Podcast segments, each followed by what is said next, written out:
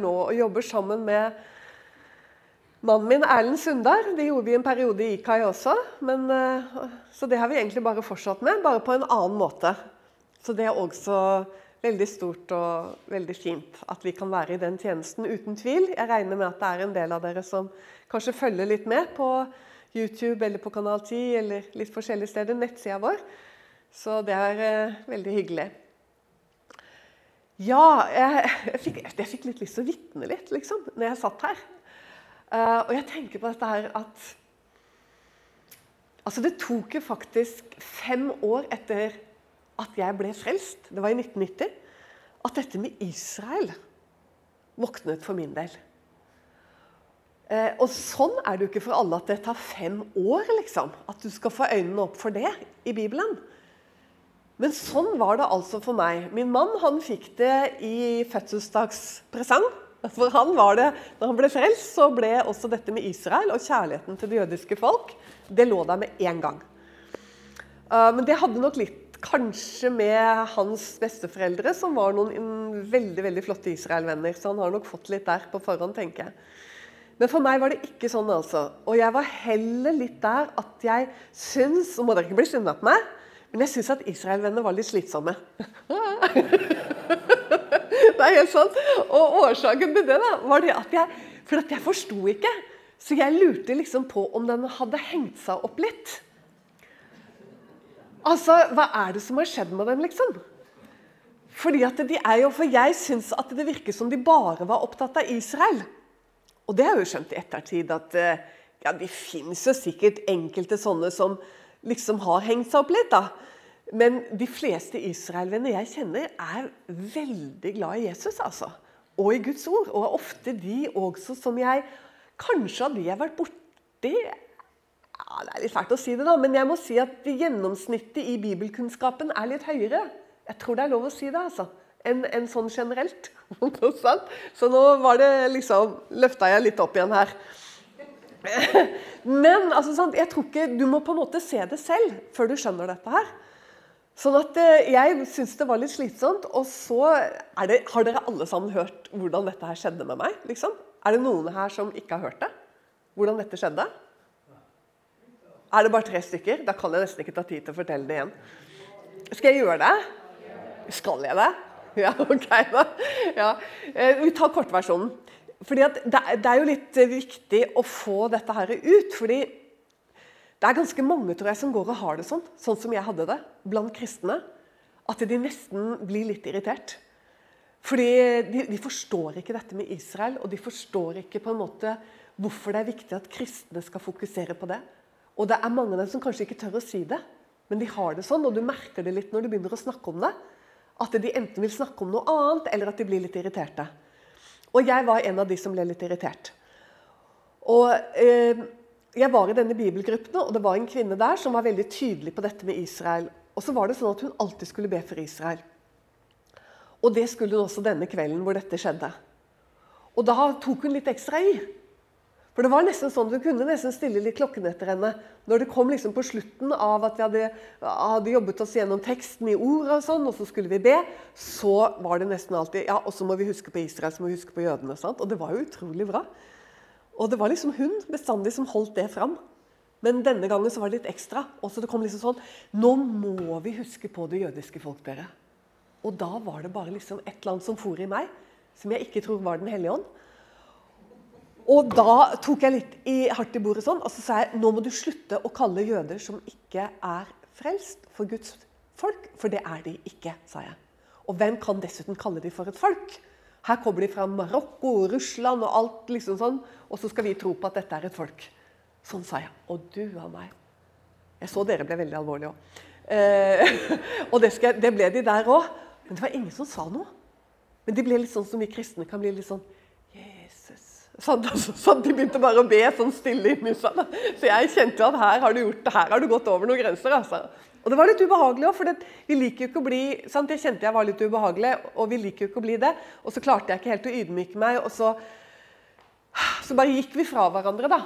For det var jo det siste som skulle skje, at vi ba. Og så skulle jeg på jobb, og jeg skulle på nattevakt på et eh, sykehjem. Og jeg var alene på avdelingen, og alle var senile på denne avdelingen. Og jeg hadde jobbet der mange ganger under studietiden. Og jobbet ekstravakter der. Og da var det sånn at du løp fra kveld til morgen fordi det var, det var aldri rolig. Jeg hadde aldri vært på nattevakt hvor det var rolig. Alle disse eldre da, de var veldig urolige på nattestid. Og det gikk hele natta. Og jeg hadde bare en sykepleier som bakvakt. Og da løper du hele natten. Men denne natten så skjer det ingenting. Det er helt stille på avdelingen. Etter at kveldsmakten gikk, så går det først en time. Det er ikke en lyd å høre noe sted. Det er ingen som kommer ut. Ingen som tar i dørene. Det er helt stille. Etter litt over en time, noe sånt nå, dette er mange år siden nå, jeg husker ikke, så begynte jeg å gå inn på rommene for å se at det sto bra til. Og alle dørene jeg åpnet, så var det sånn Liksom over hele linjen. Over hele Uansett hvilken dør jeg åpna. Så jeg tenkte hva er det, natt, hva er det kveldsvakten har gjort? Har gitt overdose av kveldsmedisin, ikke sant? Og, og tenkte Det blir en fryktelig lang natt, og tiden hadde gått. og Jeg gikk inn på skyllerommet, og det er der hvor alle de skitne bekkene og urinflaskene står. Og alt sammen, og så om det var noe der jeg kunne jobbe med. Og riktig tenkt, der var det en stabel med skitne urinflasker og bekkener og alt mulig sånt. Og jeg skal si deg at Gud er ingen Han er ingen jåle. Hvis jeg holder på med alt dette her, og dampen sto, så kommer han og taler på klart norsk ord som jeg kommer til å huske til min døende dag. Ordrett. Først navnet mitt Eva. Er du sikker på at det du sa om jødene, var rett? Og Da burde jeg sluppet alt jeg hadde i hendene, og så burde jeg knelt der sånn, og så burde jeg sagt 'Gud'. Har jeg sant? Men jeg ble redd når jeg hørte den stemmen. Og så bare jobbet jeg enda hardere. Tenkte at, Og så kommer det for andre gang fordi Gud er så god. Og så med de samme ordene og med navnet mitt, Eva. Er du sikker på at det du sa om jødene, var rett? Og da var det sånn noe som smeltet. Jeg har ikke noen annen måte å si det på inni meg. Ble sånn, jeg ble helt vissen. Og Så gikk jeg inn på vaktrommet, så hentet jeg Bibelen min som lå i vesken. Så la jeg den på sofaen foran meg, så knelte jeg foran sofaen. La hendene mine oppå Bibelen. Og så sa jeg, 'Gud, har jeg sagt noe galt om jødene, så vis meg det.' Og så åpner jeg Bibelen, og så kommer jeg rett inn i profeten Jeremia. Var, jeg bladde ikke over et blad. Jeg kom inn i profeten Jeremia, kapittel 33, vers 24. Og den siste setningen der kom Hør her. Du har brukt forstørrelsesglass på tekst, har du ikke det? Du ser hva som skjer da. Da kommer ordene ut av teksten. Jeg hadde ikke noe forstørrelsesglass, men den siste setningen kom ut av teksten mot meg. Og der sto det Og mitt folk forakter de, så det ikke mer er et folk i deres øyne. Og hver gang jeg sier det, så fryser jeg på hele kroppen. Og jeg tenker hvor alvorlig det er å ikke bry seg om Guds hovedtegn i tiden, vi som lever nå. Jeg har kalt og satt tema eller arbeidstittel for denne kvelden vi har sammen nå, og det er 'Et tegn som blir motsagt'. Og dere, er det et tegn som blir motsagt, så er det Israel-tegnet. Alle de viktige tegnene som Jesus har gitt oss, som har med vår tid de siste dager å gjøre, de blir motsagt. Men Israel er der hvor kampen står aller sterkest. Og hvor uenigheten, spliden og problemene blant de kristne hører du, er aller sterkest. Det er der hvor eh, ja, Kanskje må vi si det sånn ondskapens ånde her virkelig eh, opererer. For å skape forvirring, for å tåkelegge og mørklegge og eh, hindre oss i å se disse fantastiske eh, løftene og tegn vi har fått. Israel for Guds menighet er først og fremst et tegn. Og da ser jeg ikke bort ifra vår kjærlighet og vårt kall til trofasthet og til å støtte og hjelpe, men allikevel, det er først og fremst et tegn. Et veldig tegn som er gitt oss for at vi skal tro. Og La oss nå gå til Matteus til det 16. kapitlet. For der står det noe som er ganske interessant, og jeg har lyst til å begynne der. Eh, sånn nærmest for en innledning, på en måte. Og i det første verset der så står det nemlig Og nå er Jesus igjen i samtale Skal vi si det? Han er ikke akkurat i samtale heller. Men er, jeg fikk nesten lyst til å si han er utsatt for fariseerne og eh, eh saduseerne, som det står i min 1930-oversettelse. Han er utsatt for dem igjen. Og du vet at de fotfulgte han, og det, vi er tilbake i disse sam... Jeg kan ikke kalle det helt samtale, men ok, la oss kalle det samtaler mellom Jesus og fariseerne om og om igjen. I vel alle evangeliene er det referert til disse samtalene. Og her er en av dem. Og nå kommer de fordi det har skjedd store tegn rundt Jesus. Det har skjedd store ting ved at det har skjedd dette veldige brødunderet, blant annet. Og de er ute etter han. Og så leser vi sammen hva som står. Første verset i Jesu Kristi navn. Og Fariseerne og saduseerne gikk til ham og fristet ham og ba at han ville la dem få se et tegn fra himmelen. Men han svarte og sa til dem.: Når det er blitt aften, sier dere, det blir godt vær, for himmelen er rød. Og om morgenen I dag blir det uvær, for himmelen er rød og mørk. Himmelens utseende vet dere å tyde, men tidens tegn kan dere ikke tyde. En ond og utro slekt krever tegn, og tegn skal ikke gis den uten Jonas' tegn. Og han forlot dem og gikk bort. Av de mange samtaler som vi kan lese imellom, mellom dem, så vil jeg kanskje si at dette er et av eksemplene på de som er litt sånn såre og vanskelige. For jeg tror, og nå er det jeg som snakker, sant, at kanskje var det noe av det verste du kunne si til Jesus Altså Det som på en måte sikkert gjorde vondest av vår vantro, var når det ble bedt om tegn. Vis oss et tegn, gjør et tegn. Fordi han var selve tegnet. Han var tegnet. Hvorfor var han tegnet?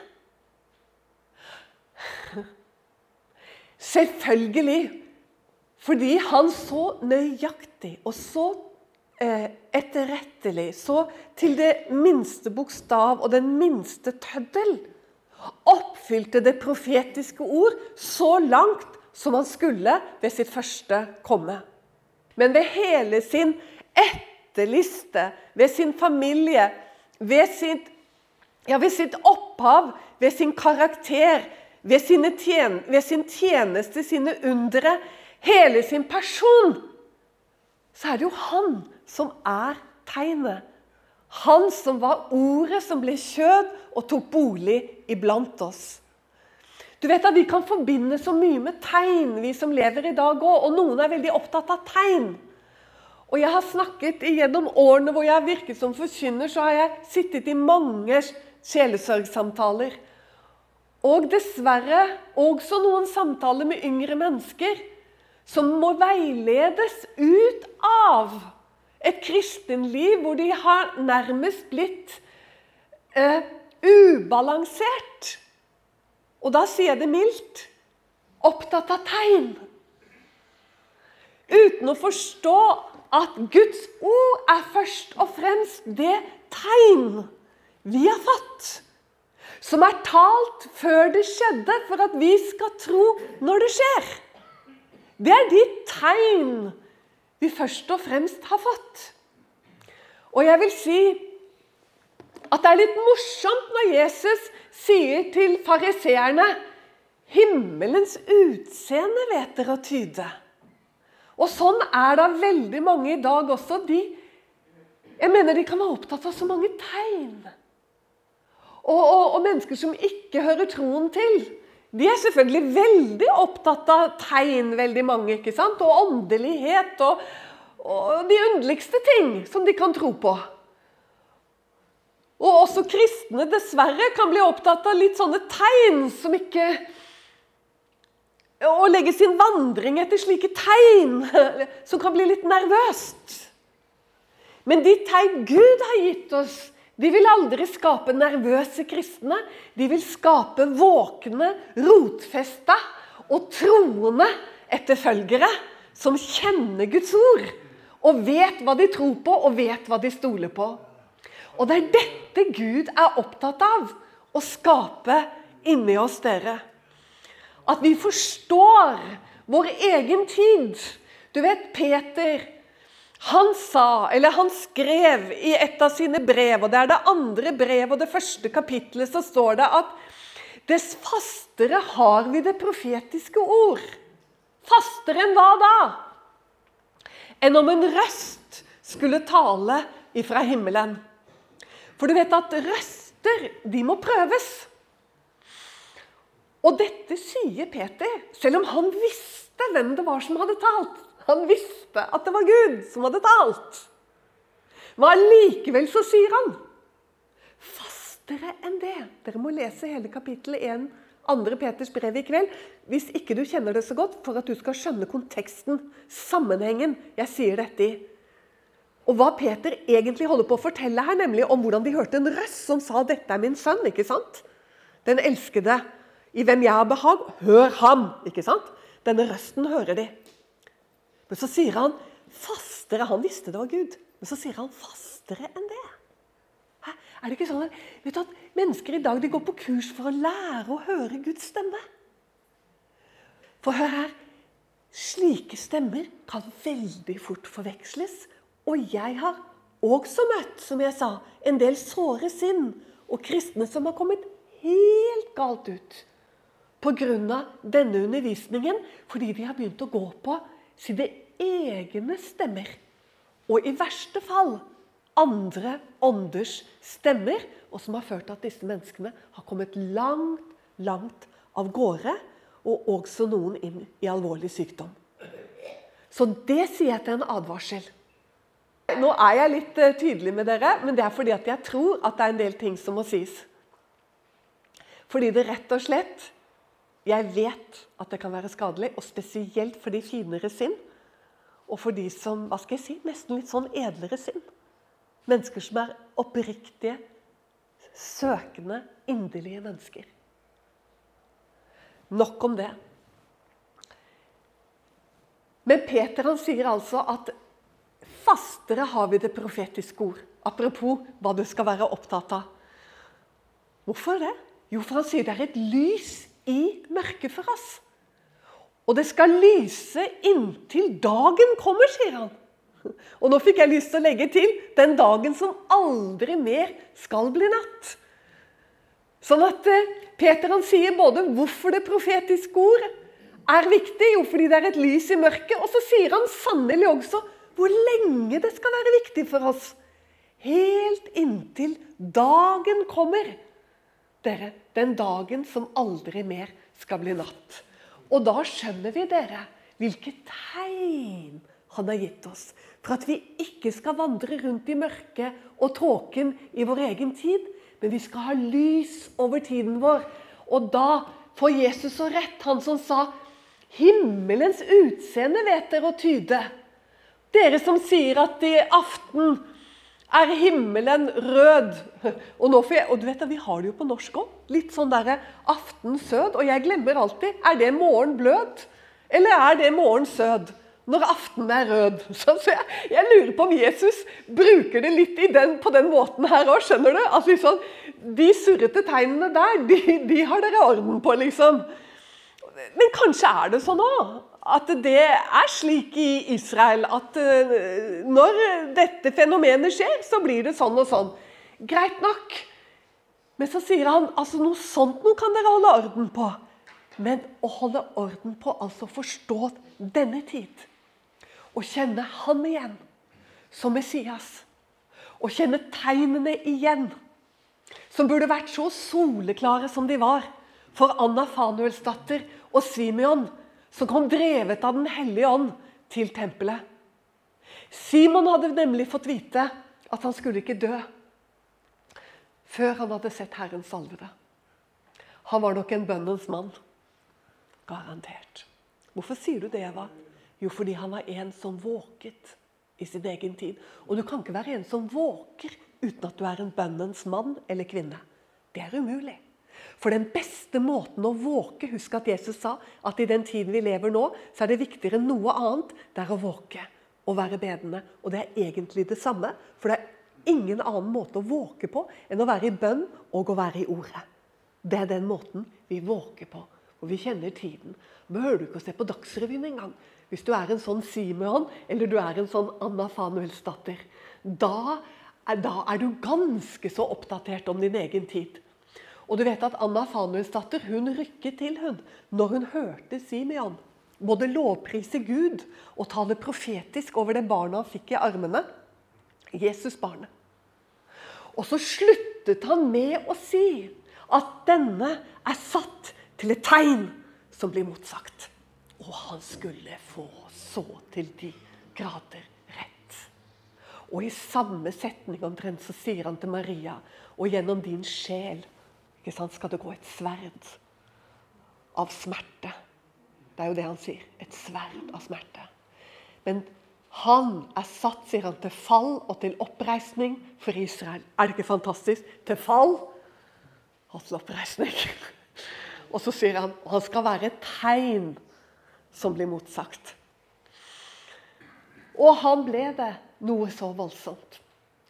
La oss derfor være våkne i denne tid, for det er ingen grunn til å tro at tiden før han kommer igjen, dere, i sin åpenbaring, når han skal åpenbare seg for å hente sin brud Det er ingen grunn til å tro at tegnene kommer til å være svakere i denne tid. Hør det. Hør nå.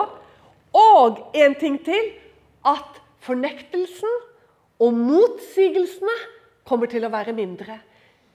Vi kjenner det jo allerede, og jeg innledet med det når jeg sa det, at er det noe som blir motsagt i denne tid, så er det Israel. Og de tre store tegnene i vår tid. Lukas 21. Dere. Det nevnes mange tegn som gjelder både tegnene Du vet at I Matteus så spør de egentlig om tre ting. For de spør både for, altså, de, Det vi glemmer, er at de spør om tegnene også på det som skal gå forut for at tempelet går i grus. For det er jo dette sjokkerende de har hørt han si. Når de skrøt av tempelet, de gikk der og sa 'Å, se på det fantastiske tempelet'. Sånn. Og så sier Jesus at her skal det ikke være sten igjen på sten. Og det var jo totalt sjokk for de som hørte på han, fordi det var utenkelig. Du må forstå at dette Herodes-tempelet det var gigantisk. Og det var kjent over hele datidens verden. Turister valfartet til Jerusalem for å se dette nærmest verdensunder. Herodes tempel. Og så sier Jesus at det skal ikke være stein igjen på stein. Og de kom til ham på Oljeberget for å høre hva er tegnene på at dette skal skje, og når skal det skje? Og så sier de, og hva er tegnene på at på din komme, på at du kommer igjen, og på verdens ende. Altså Se Matteus 24 først, hva det blir spurt om. For det er ikke så lett å sortere her. Lukas har sortert litt i materien. og Derfor kan det være lettere å lese Lukas 21 enn Matteus 24. For Lukas han deler det midt i. I liksom det som er oppfylt, og så kommer det dette midtpunktet, midt i Lukas 21, hvor det kommer et sånn lysstreif inn, hvor han plutselig sier Og Jerusalem skal ligge nedtrådt av hedninger inntil hedningenes tid er til ende. Og du vet, Da har han sagt noe foran, hvor han forteller at at folket Han sier 'de', sier han. Det er hans eget folk, men han sier 'de'. Skal bli drept for sverd. Og de som ikke blir drept, de skal drives ut. Åh, du vet, Vi glemmer noen ganger at Jesus, vår frelser, er den fremste profet. Han talte jo helt nøyaktig.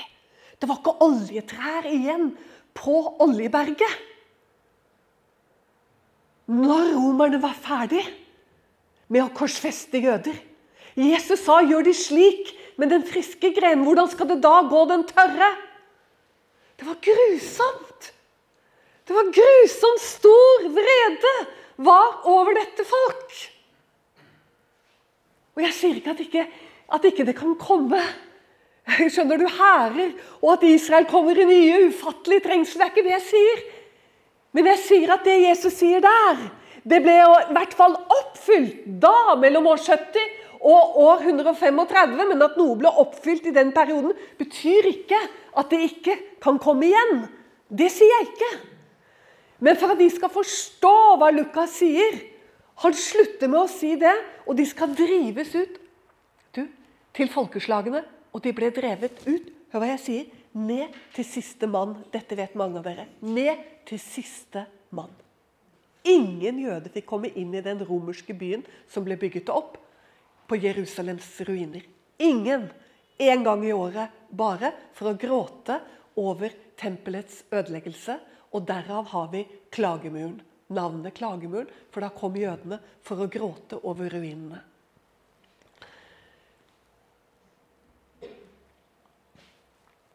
Tenk deg det. Det er ganske utrolig hvor nøyaktig Jesus talte.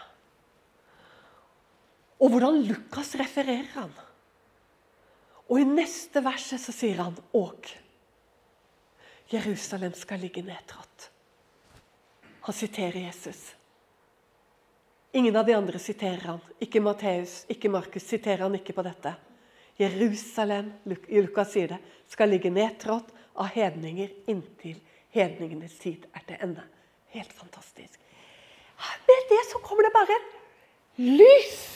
Snakk om at det profetiske ord er et lys i mørket. Et lys inni vår tid. Men allikevel ingen kan med sinnes vett og sans i behold og si at Jerusalem ligger nedtrådt av hedninger. Hadde du vært der i 1820, så hadde du nikket til den profetien. Jerusalem ligger nedtrådt av hedninger. Eller hadde du vært der 100 år før, eller 200 år før, eller 300 år før? Men dere, i dag, hvor mange jøder er det i Jerusalem i dag? 800 000? Men altså, der kommer dette lys, lysstreifet inn. Og så fortsetter han, skjønner du, og der er det disse tegnene kommer. Så sier han, og det skal være tegn, sier han. Og da kommer han med naturen. Og det er et veldig tegn for oss, det som skjer i naturen i dag. At ting byr Han snakker om bølger og brenninger som reiser seg, og folk forgår av angst. Jeg vet ikke om noen hadde hørt om tsunami før 2004, julen 2004, andre juledag 2004. Jeg, jeg vet ikke. Jeg hadde aldri hørt om dette før dette skjedde. Og hvordan naturen Og jeg kan jo ikke fortsette å snakke om det, for da måtte jeg nesten hatt det som kveldens tale. For så mye er det her å snakke om. Og verre blir det, dere. Verre blir det. Det har bare begynt. Og da tenker jeg at det, det er én ting jeg er ganske sikker på, og det er at vi kristne behøver ikke å sitte og gå inn i en masse diskusjoner om dette, om hva som er mennesker, og hva som, hva som er menneskeskapt, og hva som ikke er menneskeskapt. Men gå ikke inn og forkludre det sånn, da! For de som ikke er troende. For det går heller inn og si at dette er et tegn som er gitt oss for at vi skal tro og skjønne at Jesus kommer snart. Jeg bare mener Unnskyld at jeg roper så høyt, altså, men jeg kjente at jeg skulle gjøre det. Faktisk, Du skjønner det at det er gitt oss et veldig tegn i tiden. Og så på en måte så har vi overlatt mikrofonstativ. Jeg leste nylig en artikkel hvor det var en som mente det at eh, naturvitenskapsmenn og forskere må lære seg å bli formidlere. Sånn at de kan advare. Så tenkte jeg, men kjære vene, det er da virkelig vår oppgave. For de kan jo ikke advare på en fornuftig måte. Uh, unnskyld meg, det kan de sikkert, og dere må ikke bli sinte på meg hvis det tilfeldigvis skulle være en forsker som hører dette. Det er ikke sånn jeg mener det. Men jeg mener det at altså fornuftig i bibelsk forstand, og det er jo omvendelse. Altså det er jo frelse og omvendelse. Tegnet er gitt for at vi skal forstå hvilken tid vi lever i, så vi søker Gud. Det er jo det det handler om. Så menigheten burde jo vært på banen som aldri før. I stedet så er det noen sjeler som har funnet ut at det er veldig greit å sitte og skrive litt sånn at det, ja, veldig mye energi vet du, på at dette her, det er ikke Ja, det er ikke det, det er liksom Jeg skjønner det litt. Fordi at det blir jo en religion ut av dette klimagreiene. Så jeg forstår tanken, men jeg er ikke så sikker på at det er så lurt. Du skjønner, Jeg tror det er mye lurere å gå inn og snakke om at det er et tegn for ingen kan jo være uenig i at, eh, at uh, vår, vår, natur og vår jordklode holder på å gå litt av hengslene. Så, så, der er jo ingen uenige. Så her trengs det jo gode røster, røster som kan knytte det til Gud. Røster som kan vise til Johannes' åpenbaring. Jeg mener, Der står det jo at han kommer igjen for å dømme. Så står det 'de som ødelegger jorden'. Ikke sant? Og du, du behøver ikke lese så langt i Johannes' åpenbaring, for du skjønner. Ja, Sånn at det ikke går inn i det. Det er et tegn. Og det andre store tegnet nå utenom Israel Jeg snakker om de tre store tegnene i vår tid. Det andre store tegnet, det er lovløshetens tegn. Det er det som skjer med mennesket. Det skjer noe med mennesket. Og der er vi også ganske stille. Underlig nok. For det står jo det er jo ikke bare Jesus som snakker om dette tegnet. Jesus snakker mye om dette tegnet, men Peter snakker om dette tegnet. Eh, eh, Judas snakker om dette tegnet. Jakob snakker om dette tegnet. Eh, så du skjønner det at det her har vi så mye å ta. Og Johannes fremfor alt snakker om dette tegnet. Altså, det som skjer med mennesket. Lovløsheten. Det som gjør at før én blir igjen, og én blir tatt med som det står om så alvorlig, så er det altså slik i verden. Altså som på Noas tid. I Guds øyne er det som på Noas tid. Det er like syndig i hans øyne som om det var på Noas tid. Og det burde jo få oss alle sammen til å våkne voldsomt opp. For Noas tid, den var så fryktelig. For Gud. At Gud så på dem som om deres tanke var onde dag og natt, liksom, fra de våknet til de la seg. I hans øyne. Men i deres egne øyne så skjønte de ingenting av hva Noah drev med, og at det kommer dom, dom. Hvem snakker om dom? De bare lo av Noah, hva? Akkurat som de ler av menigheten, som snakker om at det kommer en dom. Som snakker om at det fins noe som heter synd. Skjønner du?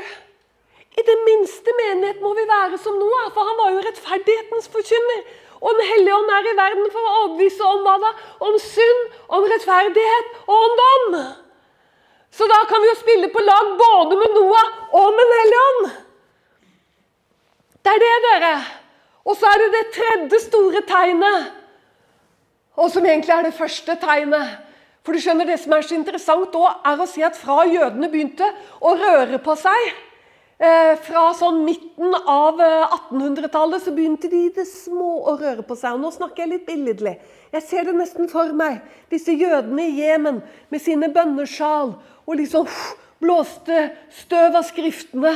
Og så fant de ut at eh, nå dere hadde Suezkanalen åpnet seg. Og så hadde det ottomanske riket tatt Jemen. Så plutselig så hadde de lov til å reise fritt i hele det ottomanske riket. For før det ottomanske riket så hadde ikke jøder lov til å forlate Jemen. Men plutselig så tok ottomanske riket hele Jemen. Og så skjedde det ikke så lenge senere, så var det plutselig åpnet Suezkanalen.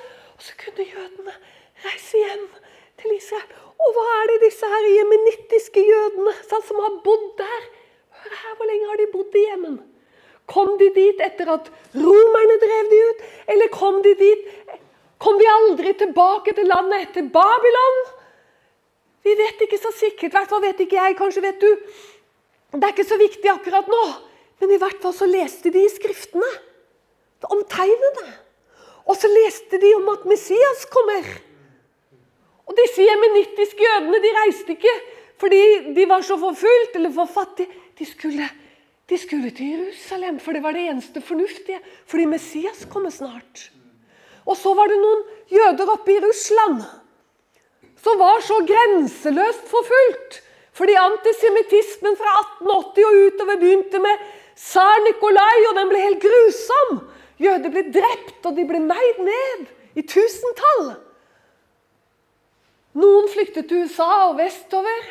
Faktisk eh, det store majoritet gjorde det. Faktisk så mange som to millioner av de russiske jødene. Det er derfor det er fem millioner jøder i USA i dag, hvis ikke du vet det.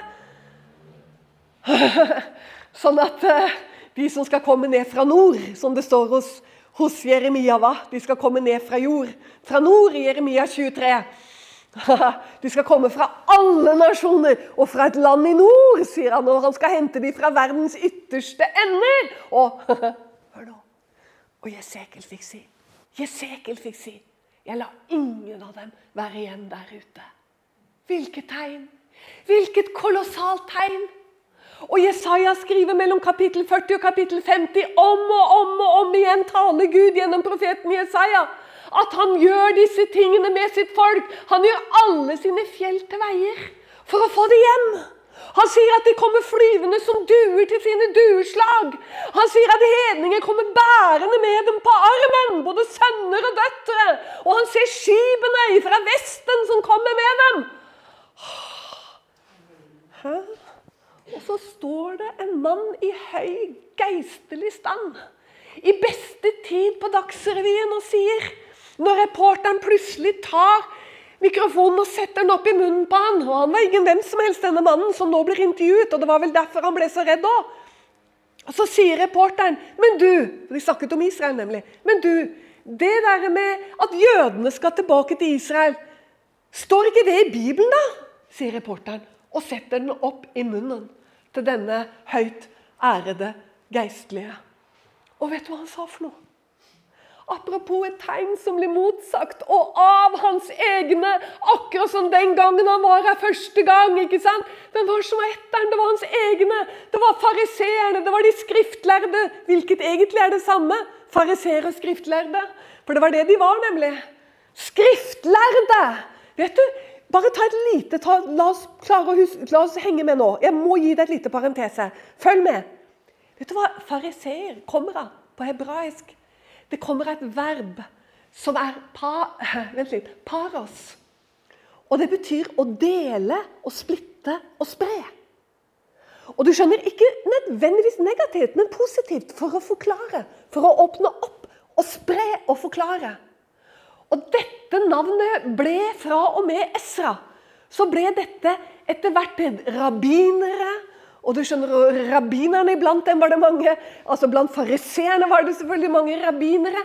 Sånn at det var egentlig, kan du si, de skriftlærte.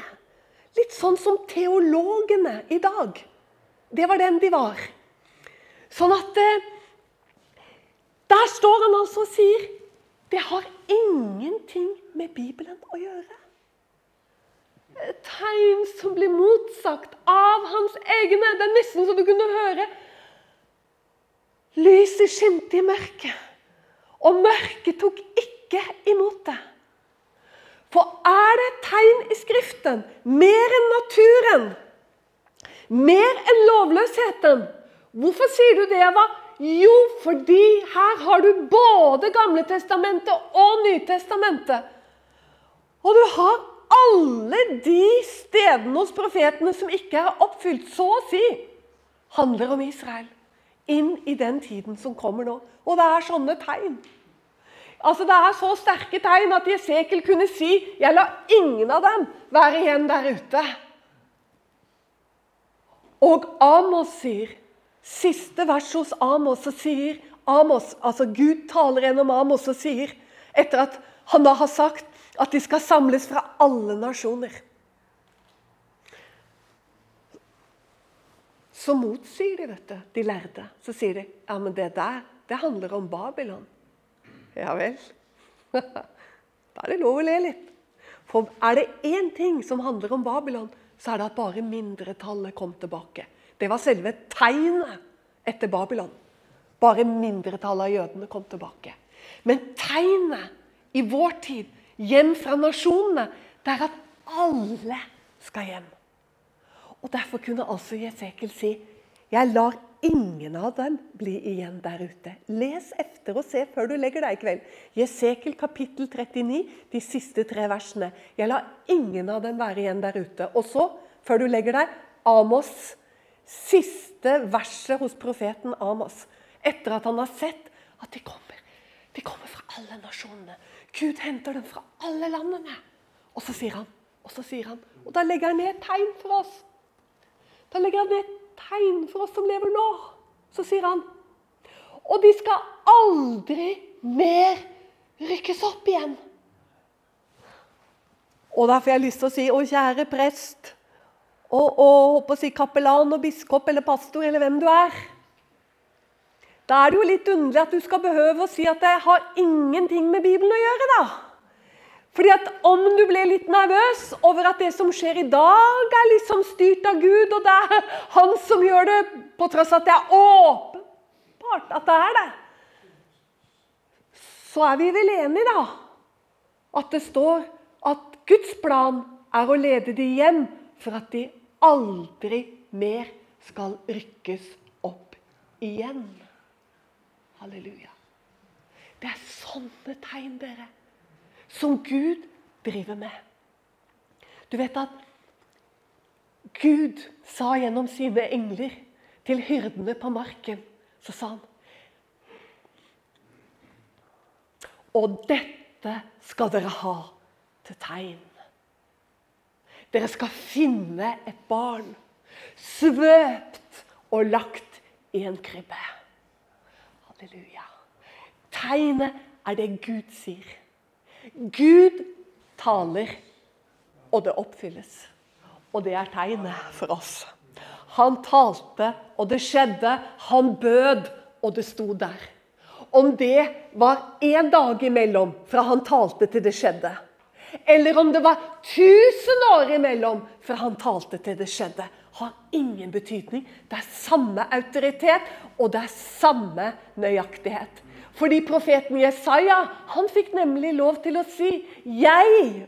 Altså det er Gud som taler gjennom profeten Jesaja. Han sier 'jeg', som fra begynnelsen forkynner enden. Det er slik Gud er skal vi gå til akkurat det ordet, så skal vi avslutte med disse fantastiske ordene hos profeten Jesaja. Og dette står i Jesaja 46. Jeg som fra begynnelsen forkynner enden, og fra fordums tid det som ikke er skjedd. Hør du? Fordums tid! Jeg får lyst til å si fra eldgammel tid. Det som ennå ikke har skjedd, det er jo åpenbart at det ikke er skjedd. For hvis det var slik at du som motsier at jødene i denne tid og deres hjemkomst er et tegn. Hør det. Hvis du er her, eller du på en eller annen måte hører dette på YouTube eller hvor som helst, og du hører det og mener at dette her er oppfylt, så må du ta fullstendig feil. Eller så må du mene at Gud, han taler litt i tåken når han taler. Du kan ikke ta han på ordet, hva? Mens Jesus sa at ikke en tøddel skal få gå, ikke den minste bokstav skal få gå før det har skjedd alt sammen. Så at Gud lar ingenting få gå av sitt ord. Det er hele poenget. Man kjenner ikke Skriften hvis man tror at Gud eh, på en måte har gått glipp av at Å ja, nei. Det var visst ikke helt sånn. Nei. Nei, det, nei, nei. Det at alle skal hjem Nei, det var ikke sånn. Nei, det var bare Du, det er dette som er tegnene for oss for at vi skal tro. Fra fordums tid. Fra begynnelsen forkynner enden. Det er samme autoritet om det går én dag imellom, om det går to timer imellom. Han talte, og det skjedde. Han bød, og det sto der. Hvorfor gjør du det sånn, Gud? Jo, hør nå. For at dere Jesaja sa det slik. Jesaja sa det slik. For at dere skal tro, for at dere skal forstå, for at dere skal kjenne at jeg er Gud, og det er ingen annen. Det er slike tegn Gud opererer med.